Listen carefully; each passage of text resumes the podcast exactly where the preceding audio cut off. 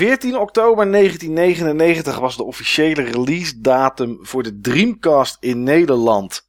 En dat is uh, bijna 20 jaar geleden, of het is 20 jaar geleden, hangt er een beetje vanaf. We tellen vanaf deze... de Amerikaanse, hè? Ja, dat weet ik, Steve. Maar goed, in Nederland kwam die officieel op 14 oktober uit uh, in 1999.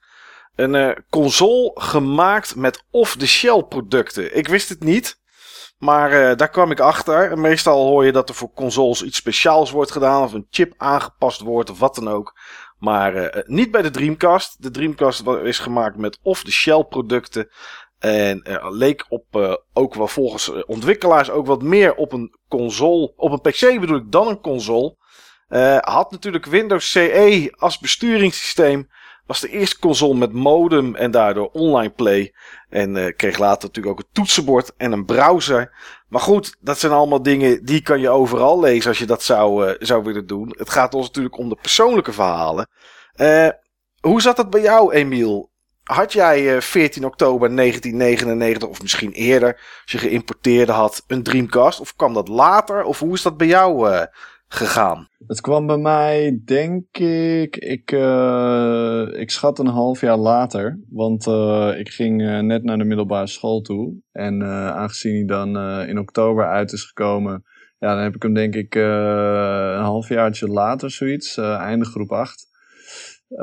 heb ik hem in huis gehaald. En dat ging bij mij redelijk soepel, omdat ik gewoon heel veel oppasklusjes deed. Dus uh, ik woon in een oh, klein dorp en uh, daar hadden veel mensen uh, kleine kinderen. En dan kwam ik daar aan s s'avonds om 8 uur en dan tot 12 uur of zo mocht ik op die kids passen die toch al in bed liggen, lagen. En um, dan ging ik meestal op mijn Nintendo 64 spelen.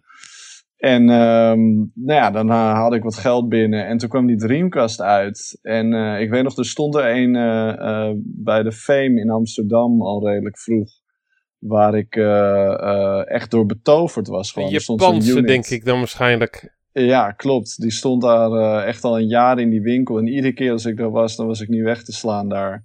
En vanaf dat moment ben ik gaan sparen. Ja, dat duurt gewoon in die tijd. Als je zo jong bent, duurt dat natuurlijk nog een, toch een lange tijd. Maar het was relatief goedkoop. als het vergelijkt ook met andere consoles die later uitkwamen. En uh, toen ik eenmaal het geld bij elkaar had, uh, heb ik hem in huis gehaald. Uh, ook nadat ik een vriend van mij, die had me toen meegenomen naar weer een vriend van hem die in Nijmegen woont.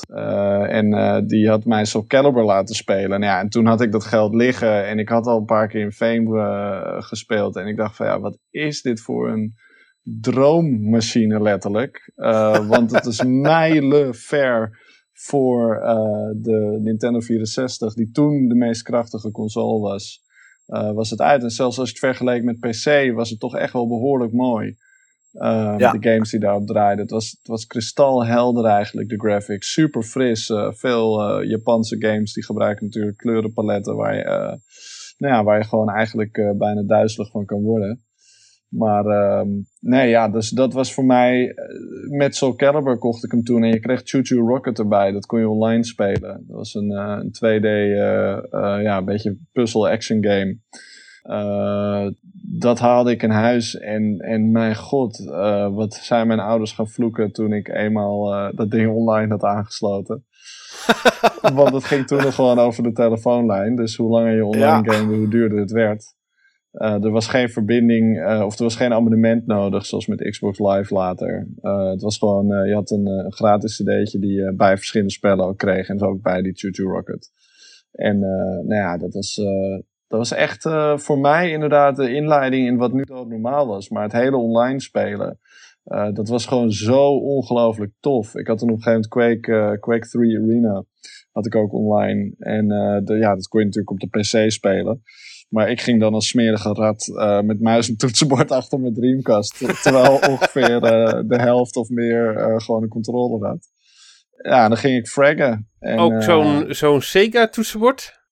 Ja, ja, officieel. Ik was altijd wel iemand, ik ging niet voor de third party accessoires. Want ik had vaak genoeg gameavondjes met vrienden. En er was altijd één of twee mensen waar de lul, die hadden dan zo'n zo'n third-party controller van Mad Cats of zo. En dat speelde toch voor geen drol. Dus ik was wel iemand die ook echt altijd... Verschrikkelijk waren die dat oh. altijd. Mad Cats, man. En ook voor de Dreamcast heb je echt de meest lelijke grote third-party controllers. Uh, want, nog groter dan de originele controller, inderdaad. Ja, ja, want die originele controller is ook wel een apart ding. Ik vind hem zelf heel lekker in de hand liggen. Ja, maar uh, er zijn wel eens mensen geweest die, uh, die dat niet zo vonden. Maar het had heel erg ja, gunachtige triggers, zeg maar, die heel lekker werkten, vond ik. Um, en um, het toffe aan een Dreamcast was ook nog eens, er, er ging een visual memory unit in. En dat was een soort heel klein Gameboytje uh, met een LCD-schermpje. Waar je ook weer hele kleine spelletjes op kon zetten. En op die manier, het had ook een OS, dus je kon hem aanzetten zonder schijfje. En ja, je had niet heel veel functionaliteit, maar het was wel echt iets wat we nu allemaal normaal vinden. Dat, dat bracht het toen allemaal voor het eerste. En uh, ik, was, ik was daar echt van onder de indruk. Ja, ja dat was zeker zo. Uh, Niels. Ja. Ik durf het niet te vragen omdat ik het antwoord weet. heb jij überhaupt ooit een Dreamcast in je bezit gehad? Ik heb nooit een Dreamcast in mijn bezit gehad. Goed. Steve. Uh, nee, waarom niet, Niels? Ja, dat is een goede vraag. Uh, ik heb wel een paar keer met de Dreamcast gespeeld. Een vriend, of vriend uh, er was iemand die zat ook in de demo scene. Uh, in de eerste groep waar ik ooit bij zat, de, groep heette Nosferatu. En daar zeg maar de, de voorganger van die kocht alle gadgets. Maakte niet uit wat. Die had een palmtop en dan was er een week later een nieuwe palmtop. En dan had hij zijn oude alweer verkocht en die nieuwste alweer gekocht. Maar zodoende ook een Dreamcast. En daar heb ik toen uh, Fancy Star Online één keer op mogen spelen.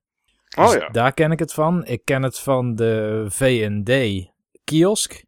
Daar heb ik uh, Crazy Taxi gespeeld. En die voldoet perfect Aan, uh, aan de signalementen die Emiel net al noemde de hele RGB color space werd gebruikt met vooral heel veel primaire kleuren.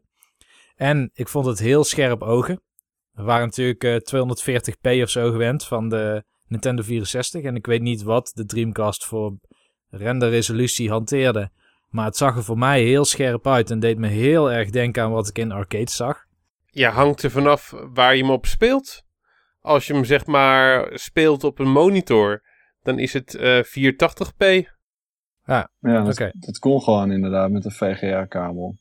Ja, VGA-kabels waren ervoor, ja. En, ja. en de laatste plek waar ik de Dreamcast heb gespeeld was... Uh, ik heb op een blauwe maandag nog een um, parachutespringcursus gedaan. Oh! Zo. In Lelystad. ja. Deze Niels. dat was uh, ook met een aantal collega's van toen ik nog bij Woodend Games werkte. Um, daar zat iemand, ik ben heel even zijn naam kwijt, maar hij was animator. Oh, dat, vindt, dat vindt hij niet erg, joh. Hij was animator, hij heeft onder andere voor Nike, heeft hij um, voor reclames ook 3D-modellen gemaakt. Want hij kon, zeg maar, fotorealistisch animeren en modellen maken en belichten en zo. Dus hij werd vaak ingeschakeld ook voor reclames. Maar die was zo'n wingman suit dude, zeg maar. Dus hij kon springen met zo'n pak aan met vleugels op een kilometer of vier hoogte. En dan gewoon heel lang vallen en helemaal op het eind een keer je parachute uittrekken. Maar een beetje zo dus gliden, zeg maar. Heb jij dus ook parachute gesprongen, Niels? Ik heb parachute gesprongen, ja. Zo cool. ja, dus dat was een cursus in Lelystad. Um, je moet volgens mij twaalf keer springen en dan heb je zeg maar je diploma waarmee je ook op andere plekken mag springen tot op dat moment spring je gewoon daar met apparatuur van daar en parachutes van daar. En je hebt niet je eigen materiaal, maar je, je, je leent ze van de club. Of je huurt ze in feite. En um, ik was dan eigenlijk praktisch elk weekend in Lelystad. Ik heb nooit een tandemsprong gedaan. Mijn eerste sprong was meteen alleen en zonder enig voorbeeld van iemand anders die het even no voordeed. Way. Ja, nou ja. Shit. Nou, de logica erachter was, de zwaarste springt eerst. Nou, ik was het hoogst, maar niet per se het zwaarst. Tenminste, dat heb ik zelf gegokt. Plus, de noobs die moeten natuurlijk er eerder uit, want uh, de goede parachutisten die willen nog wel een stukje hoger vliegen. En uh, mijn eerste sprong was ook niet zozeer echt een sprong, maar meer een soort van val. Um, maar ik had wel heel veel Pilotwings gespeeld. En daardoor wist ik wel uiteindelijk, je, je hebt wel een oortje in, dus je hebt radiobegeleiding. Ik wist uiteindelijk exact in de bullseye te landen, zeg maar. Ga toch weg, Niels. Dit is echt ongelooflijk. Dit klinkt als Russisch parachutespringen. Had je ook een paar gin tonicjes gedaan voordat je... Nee, nee. Wat wel was, is ik was altijd zo zenuwachtig over die parachute dat ik het niet zelf wilde inpakken. Ik wilde altijd Ja, dat iemand ik. anders verantwoordelijk Dat was voor het. Voor het goed inpakken van de parachute. Dat iemand anders verantwoordelijk is voor je dood. Ja. nou ja, dan, dan, dan ga ik geen spijt krijgen, weet je wel, als dat gebeurt. Nee, snap ik. Dus eh, nee, maar ja, eerst... Behalve nee, ja, je misschien krijgt- aan wie je het gevraagd hebt. Ja, Nou, ja, ik, ja dan had hij zijn Ik- job ja, beter inderdaad, moeten doen. Niels. Het is maar goed dat je geen vijanden Nou, hebt, jongen. laten we het zo zeggen. De procedure van het parachutevouwen was het maar al waard. Want je, kijk, als je gewoon zelf kan vragen aan iemand van kun je mijn parachute vouwen en je weet dat het lijkt op tijgeren, zeg maar, dan kun je natuurlijk gewoon vragen wie het liefst over de grond ziet tijgeren. Ja. Maar goed, Maar, Maar toen had je dus ook. Ja, je, maar je had tijd over. En in de tijd die je over had, voor het springen of na het springen, ben je in de V&D op een Dreamcast gaan spelen. nee, op de parachutespringclub. Daar stond Ah, een, eh, oké. een Dreamcast met Your Rocket. Vooral in het begin, dan moet je heel goed letten op eh, windrichting en de windkracht. Je mag bijvoorbeeld niet springen in het begin met een windkracht van meer dan 7 meter per seconde, want dat is normaal je, voor, je voorwaartse snelheid. Dus als je meer dan 7 meter per seconde wind hebt, dan kun je niet omdraaien met je parachute, want dan ga je Ja. gewoon achteruit. Ja. Dus dat was dan de logica. Nou, het, het waaide bijna altijd wel meer dan 7 meter per seconde. Dus je was altijd aan het wachten op een soort moment waarop je dan kon springen. En tijdens dat wachten, dan, eh, ja, dan had je een Dreamcast en je had een keuken met frikandellen. Dus dan moest je dan... En toevallig had jij Cooking Mama gespeeld. Dus daar moet je je mee vermaken, zeg maar, de hele middag. Klinkt niet als een straf.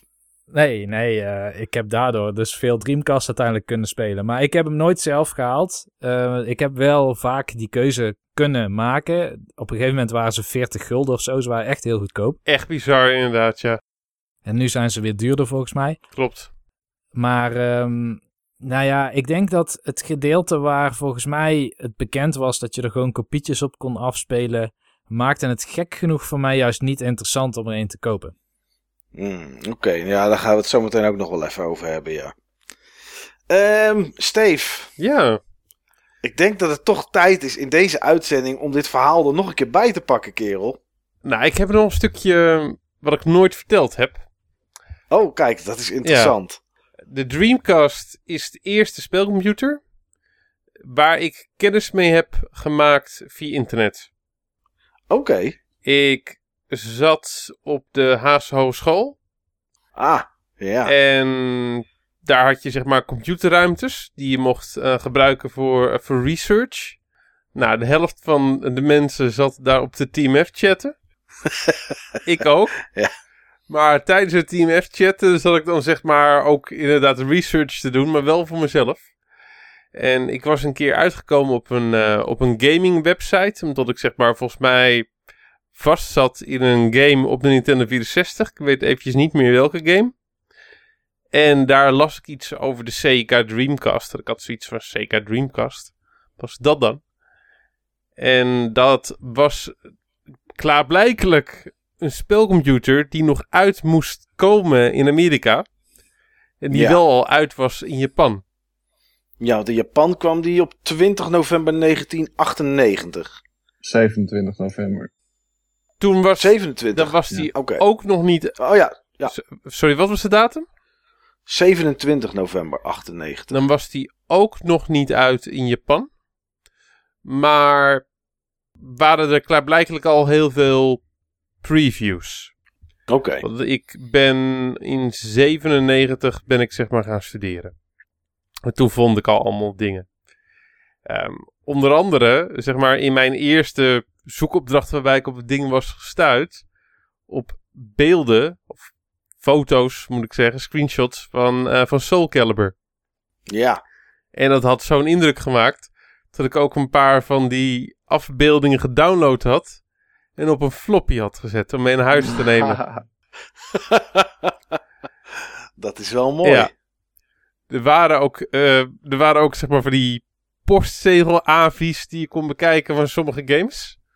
Ja, ja, van die bestandjes Ja. van, eh, van 900 kb. Ja, maar daar hielden ze niet zo van op school. Als je zeg maar, als je dat ging zitten te bekijken. Dus- Waarschijnlijk waren dat nog van die Real Media Files, die RM of zo. Ja, dat zou Oh. kunnen, dat zou kunnen. Dat was echt bagger inderdaad, ja. Maar dan op, op het moment dat je dat zat te kijken, en er zaten een paar mensen dat te doen, dat nam wel heel veel bandbreedte van de Team F-chats van de andere mensen in, eh, in beslag. Ja, dan kreeg ik Ja, klachten. maar dat was mijn eerste kennismaking met de Dreamcast. En dat vond ik echt super gaaf.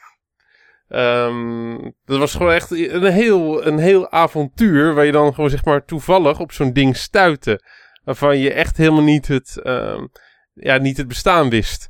En, en vroeger ging dat dan zeg maar via, ehm, via game magazines. En nu had ik dus zeg maar iets ontdekt waar ik eigenlijk in game magazines nog nooit over had gelezen. Nou, ehm, voor, mijn gevoel een paar maanden later, maar het zal waarschijnlijk dan een jaar later geweest zijn. Toen heb ik zo'n ding voor het eerst eh, gezien. Bij een gameshop in, ehm, in Den Haag. Oh, oké. Ik denk eh, de Max, of zeg maar de, de voorloper van, eh, van van de Max. Die gameshop heette, heeft een tijdje de Max geheten. Hmm. Zat in de Wagenstraat. In de Wagenstraat. Ja, dan weet ik wat je Ja, bedoelt. zat zeg maar aan het begin van de Wagenstraat. Volgens mij zat daar heel vroeger een computerbedrijfje genaamd Wiens. En dat is volgens mij later omgegaan, inderdaad. Ja, zou kunnen, maar hadden ze echt gewoon van alles. Dus Ja. ehm, PC-games, allemaal van die Big Box PC-games, ehm, PlayStation, ehm, maar ook import. En daar hadden ze dus ook een import Dreamcast staan op de toonbank op een flinke VGA-monitor. En dat zag er echt bizar goed uit. Ja, dat kan ik me Ja, voorstellen. ik denk dat de eerste game die ik er ooit heb op heb gezien, dat het Virtua Fighter 3 is. Ja, Maar de game die het meeste indruk heeft gemaakt, die ik er toen op heb gezien, is eh, Sonic Adventure. ja, maar dat was ook wel indruk. Ja, Mijn hemel. daarbij had ik echt zoiets van, wauw. En eh, a- als je dat zag, eh, ja, dan, dan kon een Nintendo 64 of een Playstation die ik thuis had staan op dat moment niet aan tippen. Je had gewoon scherpe textures als, eh, als vloer met texture filtering. Ja, Het scherpe Ja. textures had de N64 niet en texture filtering had de PlayStation niet. Exact. Je had geen Fuzzo Vision en je had geen textures die, die alle kanten opwarpten. Eh, en nog wel, wel meer. Ook gewoon qua kleuren, qua, qua lichteffecten voor die tijd. Het eh, framerate, het zag er gewoon echt heel goed uit. Het was echt alsof de, de, de toekomst zeg maar, naar je toe kwam. Ja, je had gewoon een arcadekast in huis. Ja, ja nou, toen niet in huis. Toen stond hij zeg maar daar op de toonbank. Ja, toen zat hij nog in de Wagenstraat, ja. in de Wagenstraat. Eh, het ding was boven de 1000 euro of zo als je hem, uit, als je hem toen moest, eh, moest kopen. Eh, volgens mij de eerste keer dat, die, dat ik hem gezien had was die 1300 of iets dergelijks. En daarna ging ze naar 1100. Import. Maar eh, dat vond ik opvallend. In Nederland is hij echt voor 200 gulden of zo. Nee, misschien iets meer. Maar was, ik, ik vond hem belachelijk goedkoop namelijk toen ik hem eenmaal gekocht had. Ik kon niet geloven dat ik zo'n machine gewoon, ja, toen bij de Bart Smit of zo, eh, kon kopen. En dat het niet eh, het dubbele was van wat ik ervoor had betaald. Nou weet ik de exacte prijs dus niet meer. Maar Dat was geen 200 gulden en dat was niet bij de Bart Smit. Want de Bart Smit heeft hem nooit. eh, De Bart Smit heeft hem naar mijn weten Nee. nooit gevoerd. Ik denk dat het een free record gelijk, shop was. Inderdaad.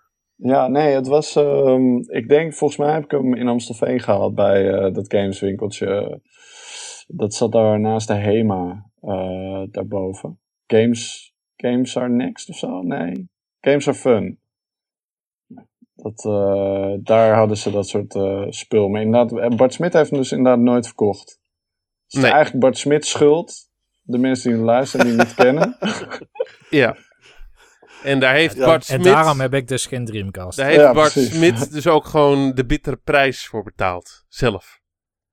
Als ze Dreamcast, als ze Dreamcast gevoerd hadden, was het een Bart Smit Dan was Heel Bart anders- er nog anders afgelopen. Ja, Dus eh, nee, ehm, er was echt wel een distributieprobleem in Nederland.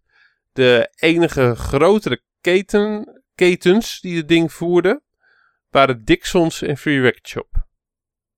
Oh, Dixons, ja, Ja. natuurlijk. Van, V- Ja. V&D. Ja. Misschien ook V&D zelf. Ik denk het wel. Want Dixons was van V&D. Ja. Ehm, maar Dixons en, ehm en, en Shop. En zeg maar gewoon de, kleinere indie game zaken. Daar kon je hem, eh, daar kon je hem krijgen. Ehm, ik heb hem ook bij een indie gamezaak gekocht. Maar niet bij de Nederlandse lancering. Ik heb hem gekocht op 13 september 99. Vier dagen na de Amerikaanse lancering. En dit verhaal heb ik al talloze malen verteld in deze podcast. Dus ik ga eventjes de management samenvatting vertellen. Ik, Ja. ehm, ik was toen eh, zeg maar in de Future Zone omdat ik zeg maar mijn eerste PlayStation game ging kopen. En de Future Zone zat in Rotterdam op de Nieuwe Binnenweg, hè? Ja, ja, ik had mijn eh, PlayStation collectie had ik op zijn nols bij elkaar eh, gespaard. Daar gaan we voor de rest niet op Daar in. gaan we de rest niet op in. Dus, eh, Die lange luisteren, die snappen wat nol betekent. Ja. Ja. En er was één game, zeg maar, die kon ik niet kopiëren. Dat was Soul Reaver. En die vond ik super tof. Mhm. Daarvan wist ik dat die ook op Dreamcast ging komen. Eh, Daar had ik ook al screenshots van op, op flop gezet. Op flop. Dus, maar ehm, ja, die moest en zou ik gewoon hebben. En ik gokte dat die bij de Future Zone, zeg maar, in de aanbieding zou zijn. Dat was die ook. Oh, Maar ik ben nooit, zeg maar, met Soul Reaver toen die Future Zone uitgekomen. Want toen ik op, bij Future Zone was, toen kwamen er op een gegeven moment twee gasten binnen. Zijn ze er al, zijn ze er al? Met allemaal hype. Ik denk, wat dan? En vijf minuten later kwamen er nog twee gasten ehm, binnen van, joh, zijn ze al binnen, zijn ze al binnen, komen ze nog eh, vandaag? Toen was ik nieuwsgierig geworden. Ik, mijn stoutste dromen, die waren al geactiveerd. En mijn stoutste dromen werden waarheid. Er zouden Amerikaanse Dreamcasts komen. Eh, een x aantal, 16 of zo. En waren echt heel veel gegadigden voor. Het druppelde allemaal binnen. En eh, dat waren ook gasten die hadden me allemaal gereserveerd. Ik niet. Maar ik had bij de counter gevraagd van... Hebben jullie er nog één over? Dat dachten ze wel. En wat kostten ze? Nou, ze waren 800 gulden. 799. Inclusief kartkabel, inclusief step-down converter en inclusief één game naar keuze. Waarbij direct aan de volgende vraag was: Hebben jullie ook nog een Soul Calibur? Ja, dat zal waarschijnlijk ook lukken. zat hij erbij, hè? Bij de Amerikaanse eh, lounge? Ja. Oké. En of? Want die zat er volgens mij niet bij nee, die is, in eh, Europa. volgens mij is die in Europa ietsjes later uitgekomen dan de lancering. Ja, ja, inderdaad. Dat klopt. Dat klopt. Maar ik heb toen uren staan wachten. Oh, je bent in de winkel blijven hangen ja, ook ik ben in de winkel blijven hangen. Ze zouden elk moment komen. En ehm, elk moment werd uiteindelijk om 8 uur eh, s s'avonds. En toen, kon ik hem uiteindelijk dan afrekenen. En dan liep ik toen zeg maar met een, ehm, ja, met, met een flinke zak aan, aan gaming hardware van 800 euro. Liep ik dan zeg maar door Chinatown in, in Rotterdam. Ja, En- ja, ik weet hoe dat voelt. Ja, toen, toen waren wij allebei bange scheiders. Zeker weten. Ik heb nog nooit zo hard gelopen met mijn PlayStation 2 toen. Ja. Nu zou ik dat niet meer op die manier ervaren.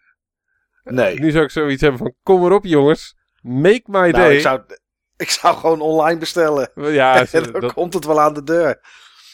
maar ik zou het nog wel een keer op die manier willen ervaren. Dat lijkt me wel heel tof. Hmm. Maar toen kwam ik thuis aan met mijn step-down converter.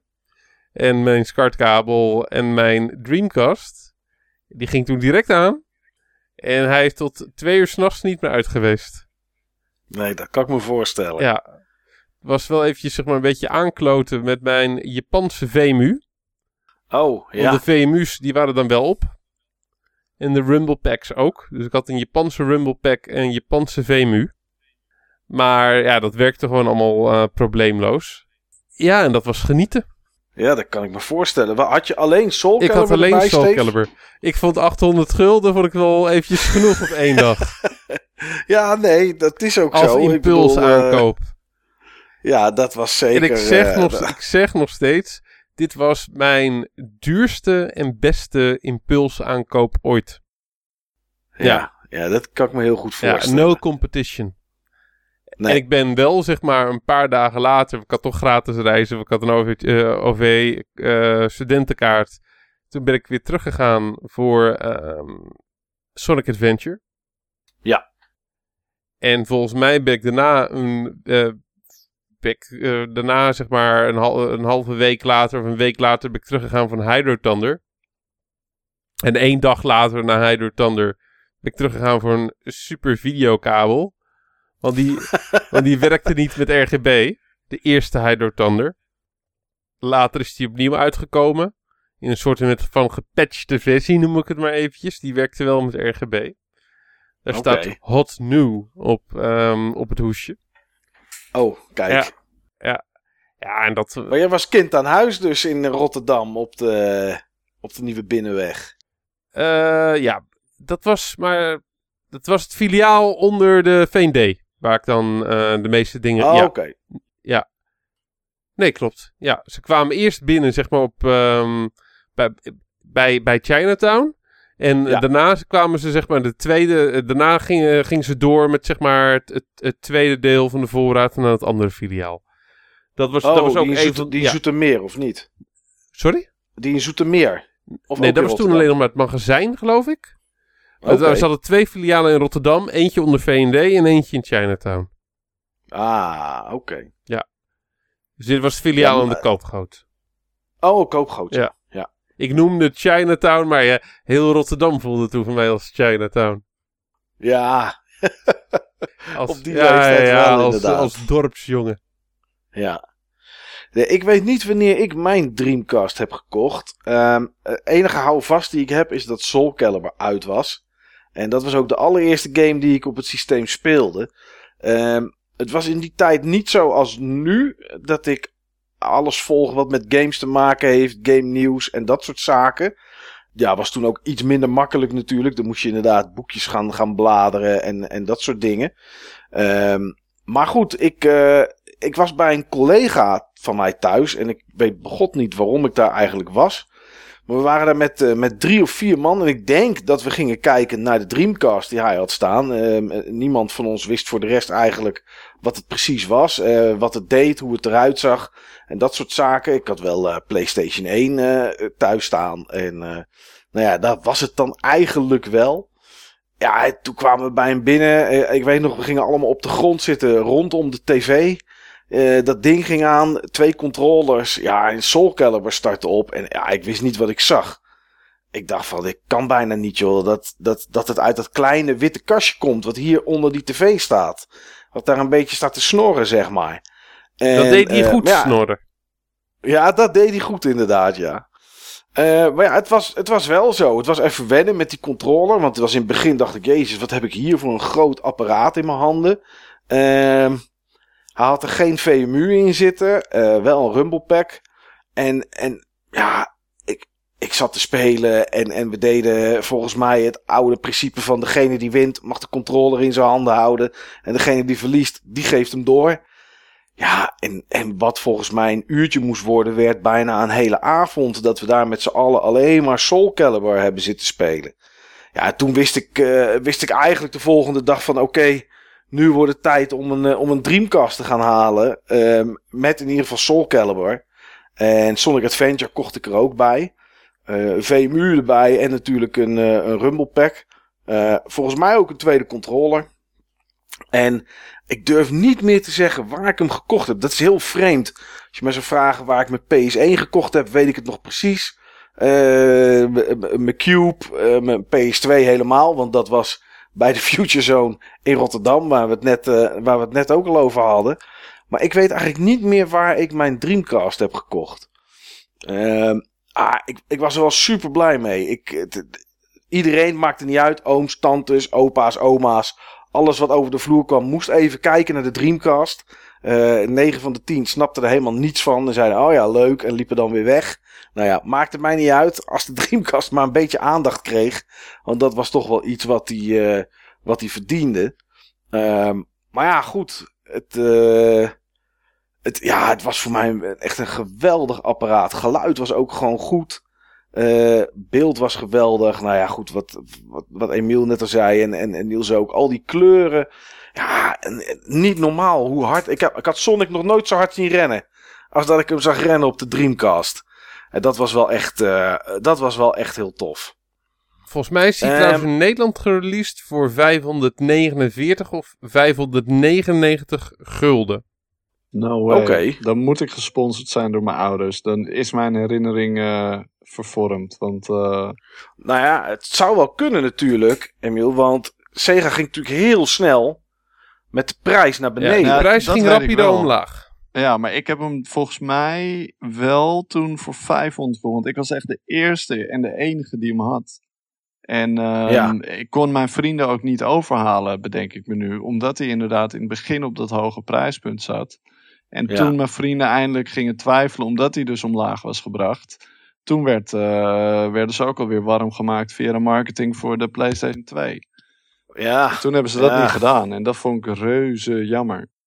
Ja, ja, de PS2 was een soort van de kopschopper, zeg maar, uh, op, de, op de Dreamcast. Uh, ja. In dit geval. Maar inderdaad, de prijzen gingen, gingen echt heel rap naar beneden. Omdat Sega, ja, ze kregen ze gewoon niet verkocht. En dat was wel, dat was wel heel erg zonde natuurlijk. Um, had jij veel games uiteindelijk, Emiel, voor de, voor de, voor de Dreamcast? Ja, ik denk dat ik. Uh, ik ben dan een van die mensen die uh, altijd principieel tegen het uh, kopiëren was van spellen. Want ik besefte me heel goed dat dat destructief was voor, voor de markt en voor de developer. En ik heb ook ik heb altijd wel vrienden gehad die uh, bijvoorbeeld bij free record shops uh, werkten. Ik heb later ook bij Fame zelf gewerkt. En ik had altijd al zoiets van, ja, daar moet je, niet, uh, daar moet je gewoon geld voor betalen, want daar hebben mensen aan gewerkt. Ja. En um, ik, nou ja, ik had altijd al baantjes en wat ik zeg, dat oppassen. Dus ik was altijd al druk bezig met zelf geld verdienen. En ik heb echt een stapel gehad. Nou ja, ik schrik daar nog steeds van. ik heb het helaas allemaal verkocht, want... Uh, net werd er gezegd van ja, een van de beste uh, impulsaankopen die ik heb gedaan. Nou, een van de grootste uh, fouten die ik in mijn leven heb gemaakt, is dat ik dus die Dreamcast collectie ooit van hand heb gedaan. Dus alles wat ik nu bezit, heb ik weer opnieuw teruggekocht. Um, dat maar, is wel zonde, hè? Ja, dat, dat doet nog steeds pijn. Nu we het erover hebben, voel ik dat weer. dat is, uh... Sorry man. Nee, dat is oké. Okay. maar uh, nee, ik had inderdaad Soul Calibur was de eerste game die ik had. Sonic Adventure had ik er ook bij. En Toy Commander. Uh, ik weet niet of jullie die nog kennen. Ja, ja, dat, dat ook. was een game die ik toen ik hem weer terug dus had gekocht, wel helaas. En dat geldt eigenlijk voor bijna alle titels wel. Ze, ze zijn niet goed verjaard het zijn wel echt producten van de tijd. Of het is in een genre wat doorgeëvalueerd is, waardoor als je het nu speelt, het niet de indruk maakt die het toen uh, uh, maakte. Nee, er zijn maar weinig games, tenminste vind ik, die goed oud zijn geworden op de Dreamcast. En dat zijn toch eigenlijk, tenminste voor mij in ieder geval, de eigen Sega arcade-achtige games. Ja. Dus uh, Crazy Taxi en later hadden ze een keer zo'n sportspel Waar je dan, weet je, je drukt op start en je ging gewoon spelen. Dat soort games, zeg maar, die zijn vandaag de dag nog wel goed te doen, in mijn optiek. Ja, ja, nou ja de titels als Res, weet je wel, of Ikaruga, weet je wel, die hebben ook re-releases gehad. En uh, volgens mij loopt het nog steeds wel aardig. Maar ik had bijvoorbeeld op een gegeven moment ook Metropolis Street Racer. En uh, dat is later uh, de serie Project Gotham Racing geworden. En ik ben helemaal geen racegamer. Uh, ik raak echt, nou ja, ik kom tot burn-out, zeg maar, qua uh, arcade slash realisme. Maar ik moet absoluut niet uh, richting Gran Turismo gaan, dan haak ik af. Maar um, uh, Metropolis Street Racer was een redelijk realistische racer. Een van de eerste die ik me kan herinneren, die bijvoorbeeld ook een radio in de auto had. Dat je allemaal verschillende radio channels op kon zetten. En dat was toch wel een titel. Uh, nou ja, als je die nu speelt, dan denk je van: oh, is dit een prototype voor Project Gotham Racing geweest? En dat was het misschien ook, want dat is de eerste uit de serie. Maar voor die tijd was het echt dat je zegt van, nou, wat gebeurt hier, weet je wel? Wat is dit een, een lekker spelende racegame? Wat is dit voor ongelooflijk goede game. En nou ja, Power Stone is, is een andere titel die ik had. Kleurrijke fighter. Power Stone was ook een release titel, geloof ik. In elk geval in Europa. ook in Amerika, niet in Japan. Oké, en uh, nou ja, dat is van Capcom. Uh, heel gek, want het is een serie die heel veel appeal heeft. Maar het heeft nooit meer. Ja, het is nog een keer op een Vita gereleased. Maar het heeft nooit meer een staartje gekregen. Nee. Dat, dat heb ik grijs gespeeld. Zeker deel 2. Dat kon je met z'n vieren spelen. Um, en dat speelde ik dan. Uh, we speelden of Smash Brothers of Power Stone 2 met z'n allen. Maar als je dat nu opstart, dan denk je, ja, weet je wel, het is toch niet, niet echt polished. En het zijn toch wel ja, unbalanced vaak. Dus het zorgt ervoor dat je, er zitten rare quirks in. Dat je echt moet weten dat er een bepaalde functie in zit die nergens anders dan misschien destijds in de handleiding werd uitgelegd. Um, en dat zijn dingen die, die maak je niet meer mee in games. Uh, en als je daar naar terug gaat, dan, dan, dan ja, dat is gewoon een drempel. Jet Set Radio is er trouwens nog eentje die wel redelijk verouderd is. Die, die ook nog goed op te pakken. Ja, dankzij die, ja. Uh, die cel shading. Ja, ja, dus dat ziet er ook nog wel lekker uit. En dat was ook gewoon wel toegankelijk. Um, maar, ik moet wel zeggen, als je kijkt naar de eerste, de eerste Soul Calibur... En als je die nog opstart op, um, op, uh, op Dreamcast, dat, dat ziet er gewoon prima uit. Ja, dat is nog een hele goede game, absoluut. Dat is, uh, en hij persoonlijk, als je aan me vraagt wat is je favoriete Soul Calibur, uh, voor, mij, voor heel veel mensen is het twee, want dat is toch wel waar de serie mee bekend is geworden. Maar voor mij is het toch echt wel één. Misschien drie, omdat hij iets rijker was qua features. Maar Eén is gewoon qua, qua gameplay en uh, ook wel vind ik gewoon hoe, hoe ze de wereld neerzetten rond de gevechten. Uh, de, de fan art gallery die erin zit. Uh, gewoon, het is een van de meest, misschien wel de best verouderde titel. Maar ik, ja, ik begon het, het relaas dus met Toy Commander. Die is helemaal niet goed verouderd als je die opstart. En zeker als je die multiplayer doet, die ik ook heel veel heb gedaan. Het is gewoon gereed aan. Het is gewoon echt een lege hal waar je in, in vliegt. En uh, was gemaakt, geloof ik, door een Franse uh, studio. Of Frans-Canadees, dat zou ook kunnen, maar ik meen Frans.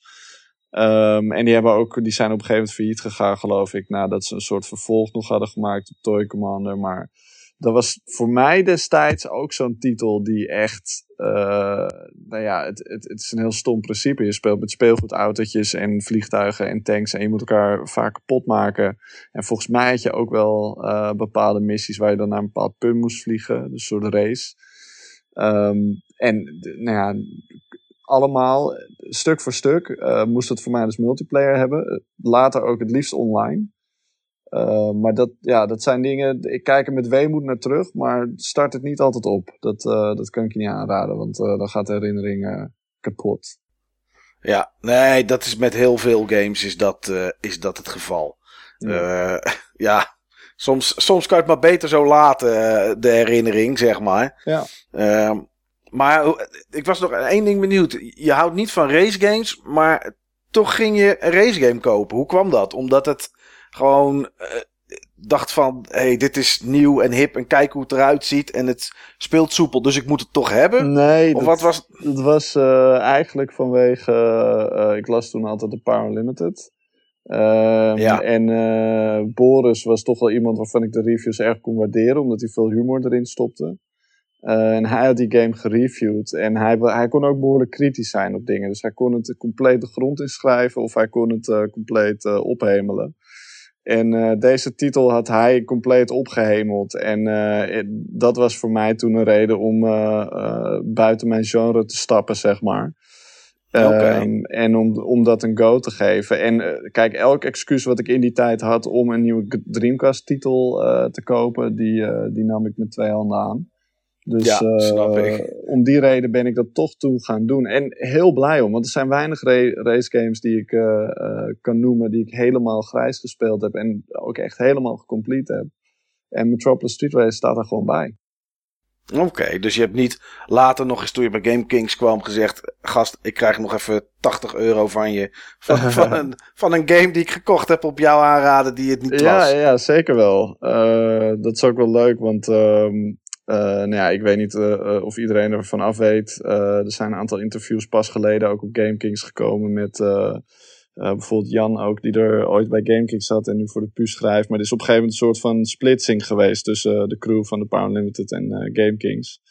Uh, en dat is een reden dat, dat toen ik net bij GameKings kwam, dat we er geen item over op hebben genomen. We hebben wel een keer heb ik mijn oude Power Limiteds erbij gepakt en een aantal dingen laten zien aan hem en verteld.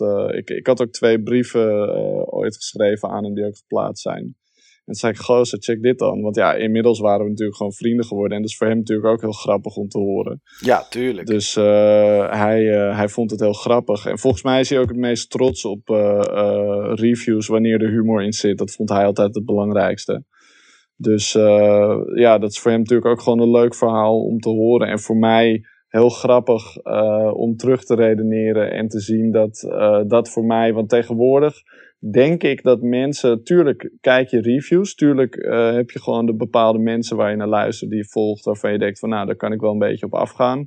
Maar we kunnen ook heel goed zelf bepalen. We hebben genoeg informatie en genoeg games thuis om zelf te bepalen van hey, is dit wat voor mij? Weet je, we zijn niet meer afhankelijk, uh, zoals je in die tijd was, van uh, ja, de, de, de kleine informatiestromen die je had. Dus het is heel grappig om daar nu ook naar terug te kijken. Van hoeveel impact dat we niet had als iemand uh, uh, in de PU. En je had ook nog wel een paar gespecialiseerde tijdschriften voor bijvoorbeeld de Nintendo 64 uh, destijds. En er waren gewoon een paar mensen, als die dan een review schreven, dan, dan, ging, je daar gewoon, dan ging je daar gewoon in mee.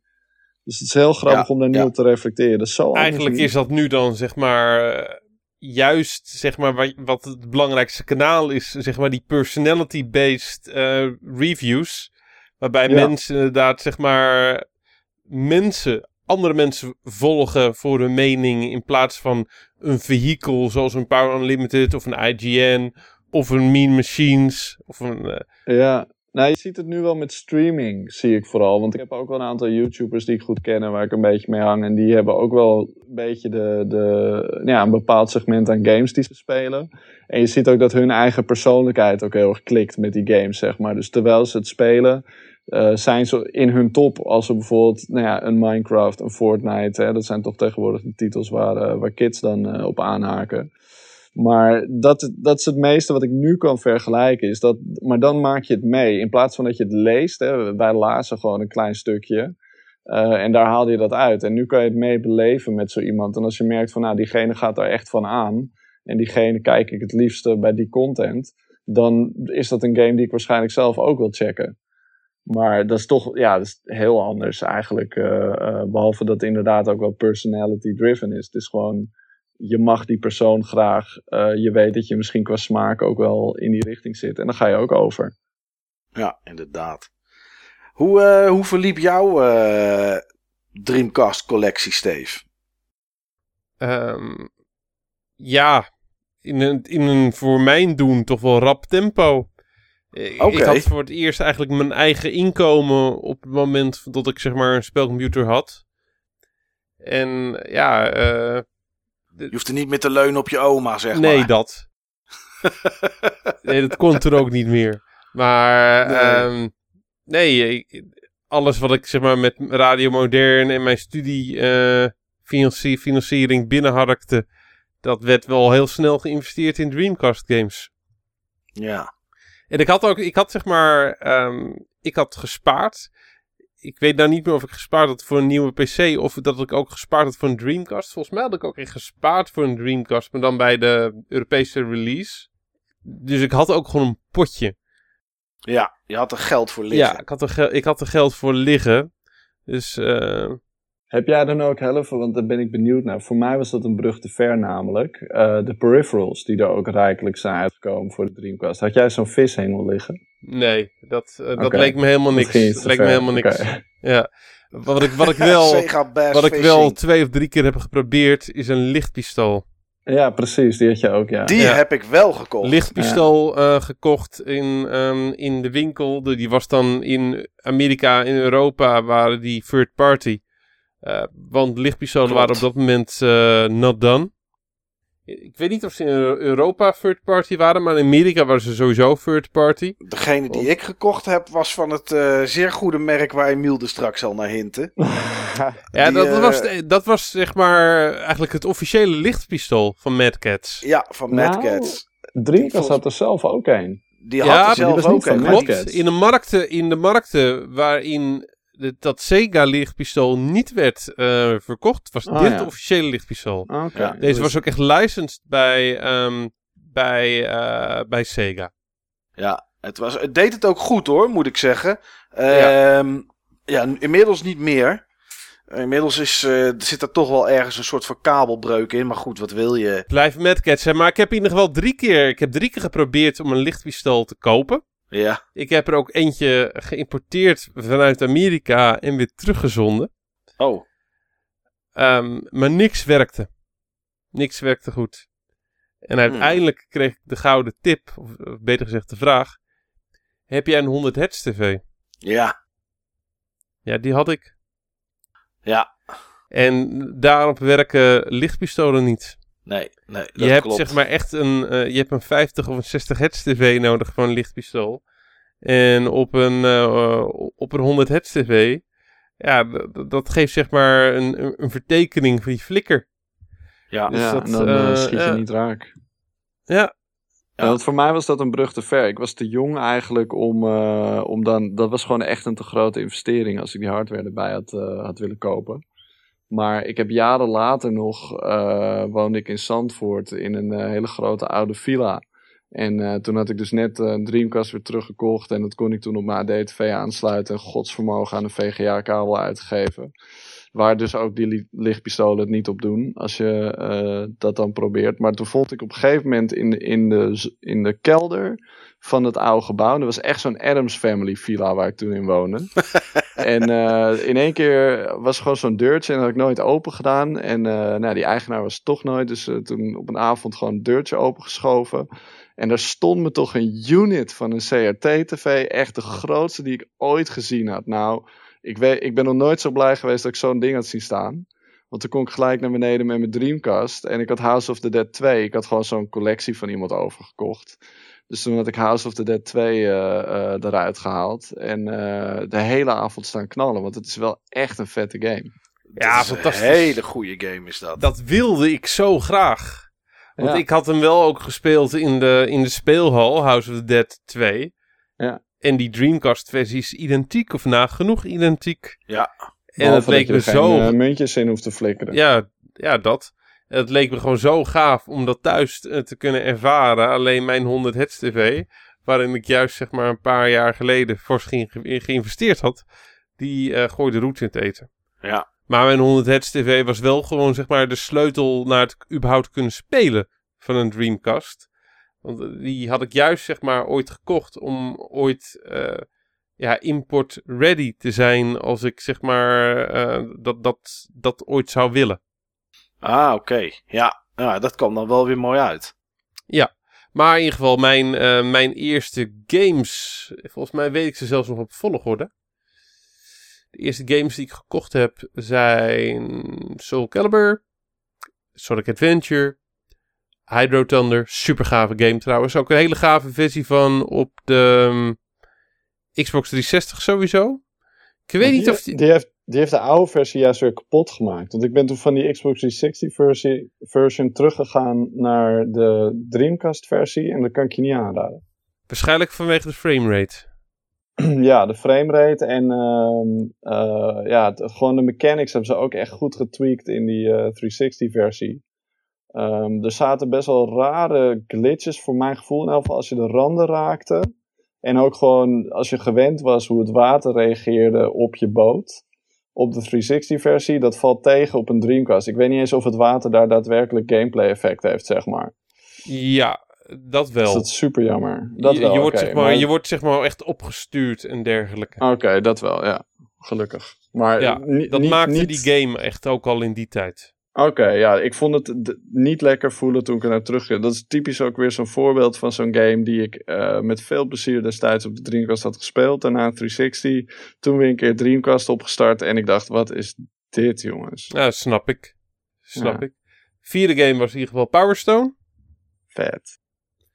Ehm, vond ik echt een geweldige game. Vind ik nog steeds een, een geweldige game. Die vind ik ook wel goed uit geworden. Daar kan je nog steeds, zeg maar, echt lol mee, eh, mee hebben op het moment dat je die gewoon even een uurtje speelt met, eh, met iemand. Ja, één wel, twee niet. Nee, twee die maar- vond ik überhaupt ehm, tegenvallen. Ik heb nooit de kans gehad om die met vier personen te spelen. Op het moment dat je met z'n tweeën speelt, vind ik het gewoon een mindere versie. Ja, de werelden zijn dan te groot. Ja, dan moet je echt gewoon die chaos van, van vier spelers hebben om die game echt tot zijn recht te laten komen. Game 5 en 6 had ik op dezelfde dag gekocht. Uh, had ik Toy Commander gekocht en Speed Devils. Oh ja, Speed Devils, ja. Ja, Speed Devils vond ik fantastisch. Toy Commander heb ik bijzonder weinig mee gedaan. Die klikte gewoon niet. Armada heb ik daarna gekocht. Wat was dat ook alweer? De titel zegt me wel. Dat was zo'n zo'n 2D space exploration game. Oh, Zo'n zo, zo frontier-achtige game. Ja, ja, ja, ja, ja. Oh, nu die weet kreeg ik echt, Die kreeg echt bizar goede reviews. Klikte ook niet. Um, toen had ik House of the Dead met controller dan moeten spelen. En um, ja, daarna weet ik de exacte volgorde niet meer. Maar ik had uh, Dynamite Cop. Oh uh, ja. Ja, ja. En dat we, Geen Crazy Taxi? Nee, die heb ik later ooit uh, gekocht. Ik had geen Crazy Taxi toen de Dreamcast zeg maar in de winkels lag. Uh, games waar ik echt enorm veel plezier aan heb beleefd zijn in ieder geval Soul Reaver. De, uh, dat is de, toen heb ik hem uiteindelijk, toen die uitkwam, heb ik hem ook gekocht. Ja. En niet meer voor de PS1. Nee, die is, niet, meer, niet meer voor de PS1. gepoord, hè? Oh, dat wist ik niet. Dat is uh, Nixus, het bedrijf wat nu aan uh, Avengers ook meewerkt. Die, uh, de baas daarvan, die moet Niels ook bekend zijn. Komt ook ooit uit de demo scene. Die is begonnen gewoon in zijn eentje, ook ergens nou, rond toen hij, toen hij 20 was ongeveer, Jurien. met het poorten van Soul Reaver naar, naar de Dreamcast. Goeie poort. Ja, ja. Je mist Mike wel... en ik ken hem als uh, Nix van de Black Lotus. Ja, inderdaad. Je mist wel zeg maar die tweede stick, maar voor de rest is het echt een briljante poort. Betere framerate, betere resolutie, betere textures. Loading is sneller. Ja, het is echt gewoon een, uh, een hele goede versie. Ja. Um, ja, en op een gegeven moment zijn ze overgegaan in Amerika van witte hoesjes naar zwarte hoesjes. Ja, klopt ja. En toen kwamen echt de heavy hitters. Toen merkte je dat het apparaat wat langer uit was. En tot gewoon de games die eventjes wat langer in, uh, ja, in de pan moesten liggen. Uit, uh, uit begonnen te komen. Ik, um, ik heb op één dag. Uh, toen zal ik waarschijnlijk net mijn vakantiegeld gehad hebben. of, heb ik Shenmue. Ja? Skies of Arcadia en Grandia 2 gekocht. Oh, wat Zo. een topdag. En toen ja, dat, was, dat was zo'n topdag inderdaad, ja. Toen heb je een half jaar lang de gordijnen dicht gehad, denk ik, Steven, of niet? Uh... Ja, daar komt het wel een beetje op neer. Ik heb toen eerst Grandia 2 gespeeld. Ja. Um, daarna Shenmue en daarna Skies of Arcadia. Mooi man. En uh, die zijn ook wel redelijk verou goed verouderd allemaal. Ja, alle drie. Ja, Shenmue vind ik moeilijk zelf. Moet je echt geduld voor hebben. Maar dat is op zich met die andere games ook al zo. Het zijn wel alle drie geduld games. Ja. Langzame games. Ik vind ik Grandia 2 daar nog... Um, ja, qua battlesysteem vind ik daar nog het meeste uitzondering op. Grandia 2 heeft een voor die tijd echt behoorlijk modern battlesysteem. Ja. Ik vind Grandia 2 echt een veel beter battlesysteem hebben dan Skies of Arcadia. Veel beter. En daarnaast vind ik Skies of Arcadia gewoon de betere game in, uh, in alles. Betere graphics, betere sfeer, veel toffere karakters. Echt hele toffe karakters. Ja, daar, daar zou ik wel over mee kunnen praten. Want nou, ik heb doe natuurlijk het. die Gamecube Niels, versie. doe het. nee, ik heb best wel veel games gehoord die ik heb hoor. Maar dan op andere systemen. Jet Set Radio heb ik toen voor de Xbox gekocht. Uh, Skies of Arcadia voor de Gamecube. House of the Dead voor de Wii, zeg maar. Dus ja. ik heb meer gespeeld dan ik heb gedacht. Maar Skies of Arcadia Legends vond ik, uh, in ieder geval voor de Gamecube dan, dat is een soort remake was het met wat extra content. Echt een bijzonder goede game. Uh, eigenlijk om de reden die Steven net ook zei. En je had base building, dat was voor mij toen iets nieuws. Dat je eigenlijk een soort van pirateneiland had, waar je zelf de baas van was. En waar je zelf nieuwe onderdelen op moest gaan bouwen. En nu is dat iets wat vrij standaard is. Zie je in heel veel games terugkomen. In Xenoblade komt het terug. In Fallout komt het terug. Um, maar dat was voor mij de eerste keer dat ik hem meemaakte. En die fantasie die in die wereld zat. Het was eigenlijk een wereld waarin allerlei zeg maar, mini-planeten of mini-wereldjes in de lucht hingen. En daar kon je dan met een uh, vliegend schip naartoe. Dat sprak in ieder geval bij mij enorm tot de verbeelding. En die karakters, die ken ik ook nog steeds. Al was het uh, omdat ik uh, laatst, hoe heet het, Valkyria Chronicles heb gespeeld, waar Aika en Vice nog in zitten. Oh, ja, tuurlijk. Ja. Ja, weet je wat ik een toffe game vond? En waar ik echt, nou, ik, ik heb, de A heb ik nog in mijn duim staan. Terwijl het helemaal nergens op sloeg, want het was indrukken, was, was gewoon indrukken. Uh, Virtua Tennis. Toen ik, de, toen ik de Dreamcast kreeg, zeg maar, Soul Calibur en Crazy Taxi, uh, een beetje in het begin. Dat was wel echt, zeg maar, een, een soort van stap van, oké, dit is het. En toen kwam Virtua Tennis. Ja, dat heb ik echt, echt zoveel avonden en nachten heb ik dat zitten spelen. Uh, kameraad op de bank, fles cola ernaast, zak chips erbij. Alle twee een controller in je handen en gewoon tennissen, tennissen, tennissen gewoon. Dat was toch wel echt... Uh, ja, dat was wel echt een, een mijlpaal voor mij met, uh, met, uh, met de Dreamcast. Ik weet niet, Steve, of dat een zwart hoesje was in Amerika of een wit hoesje. Een zwart hoesje. Oké. Ja, ik, ik heb de Amerikaanse trouwens hier wel liggen ook. Die kwam een keer ergens tegen in een kringloop voor een euro. Ik denk, nou, laat ik hem in ieder geval maar meenemen. Altijd doen. Ja, daar, daar kan je geen bel aan vallen. Maar ja, dat was toch wel een onwijs goede game was dat. ja, die add-ons, daar hadden we het net al even over. Ik wil toch even nog een keer, want dat vond ik toch wel het meest speciale. Die VMU. Ik, ik weet niet, was dat een ding wat jij gebruikte, Emiel, of niet? Of was, zat die gewoon in je, in je controller en dat was het? Nee, daar heb ik wel flink de blitz meegemaakt uh, op mijn middelbare school. ja. Dat, uh, ja, dat kon je meenemen, dus dat deed ik dan. En uh, het is niet dat er heel veel functionaliteit in zat. Ehm, maar de, de enige game die er leuk gebruik van maakte was denk ik ik weet niet meer of het Sonic Adventure 1 of 2 was, maar misschien allebei. Uh, daar had je de Chow Garden. Dus dan had je kleine poppetjes. En die kon je dan in een tuintje stoppen. En die moest je eten geven. En die kon je levelen. En dan kon je er nou ja, later, dat was dan wel echt zeker in 2. kon je er ook minigames mee spelen. Ja. En um, die kon je dus laden op je uh, VMU, op je Visual Memory Unit. En uh, dan kon je er ongeveer een half uur mee rondlopen, want dan was de batterij op.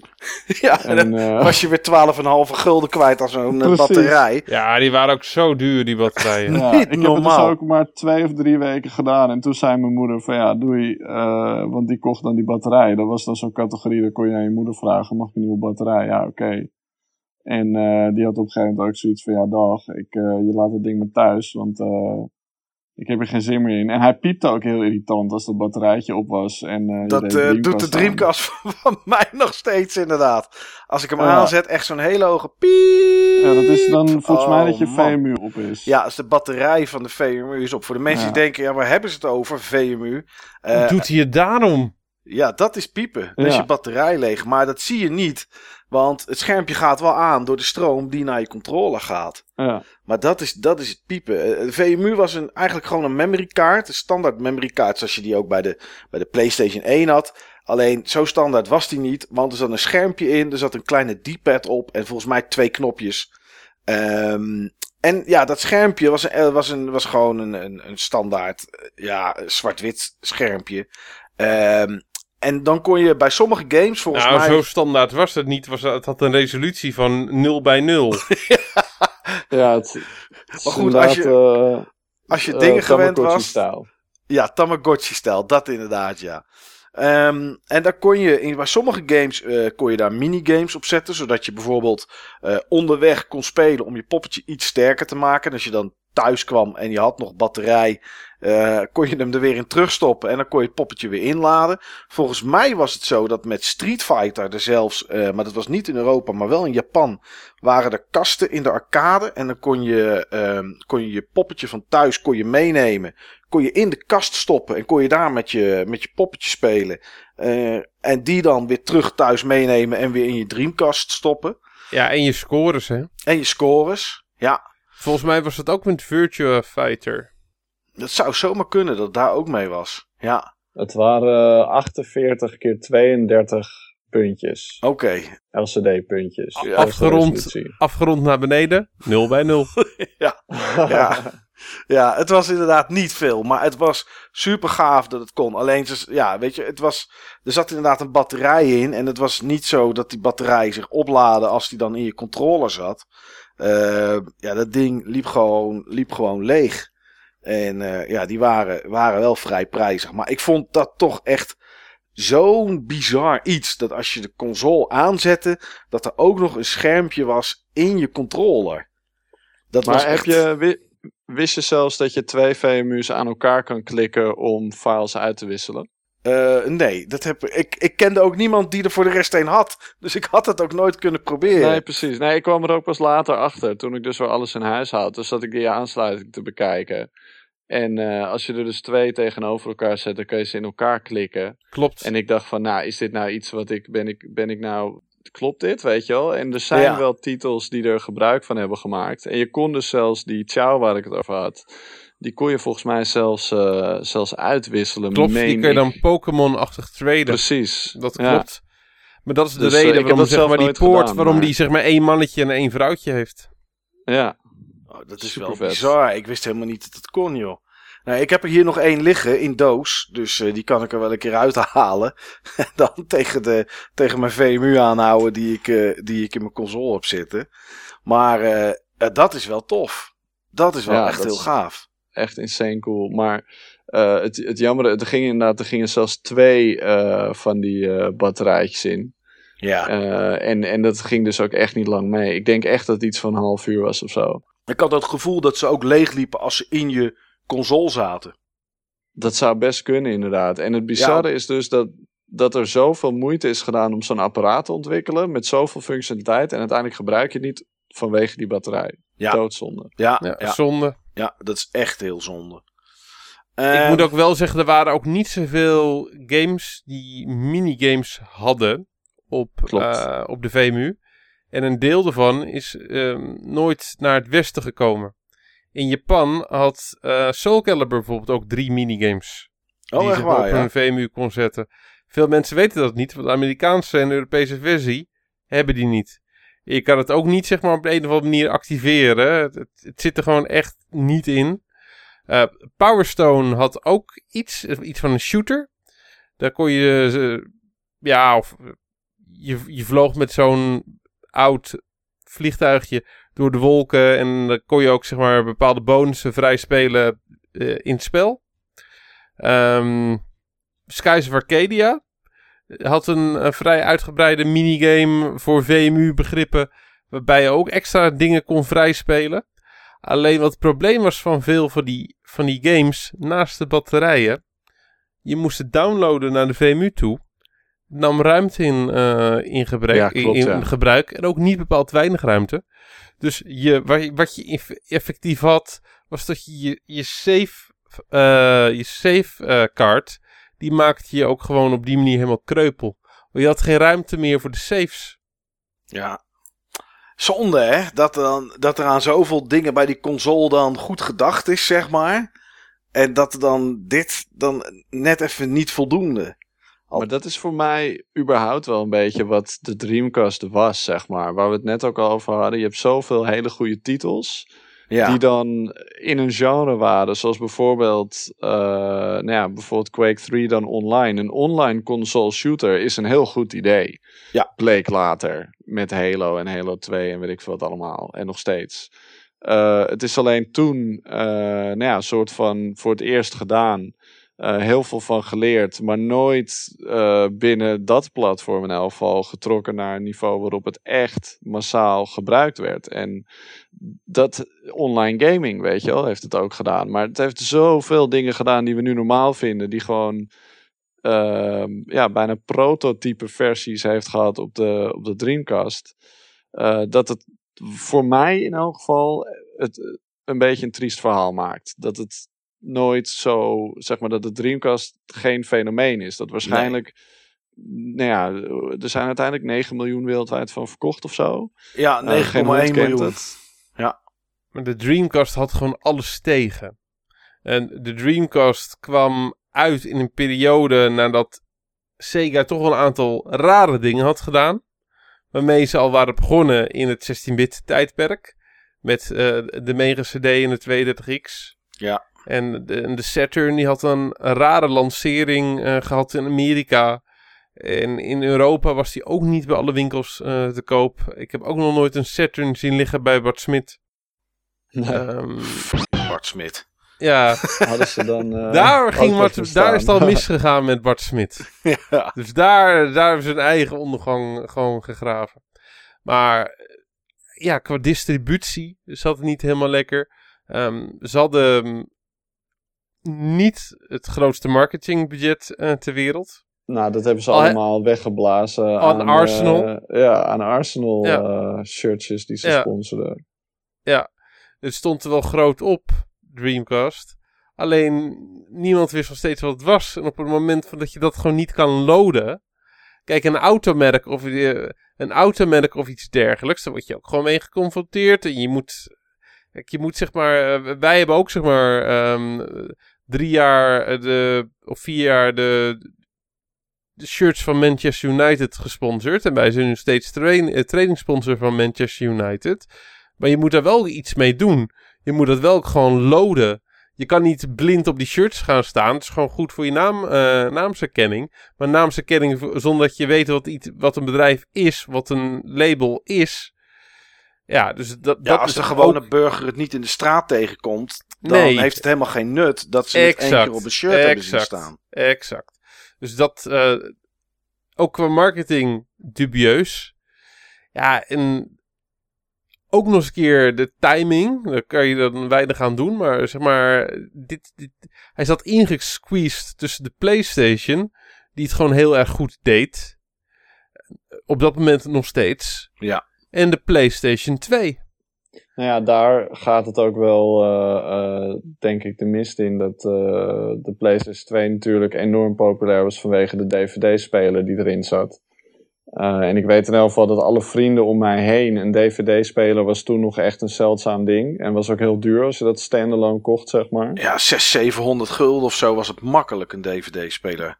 Ja, dus als je dat dan kon combineren met een PlayStation 2 die je toch ook wel wilde, dan was dat een win-win.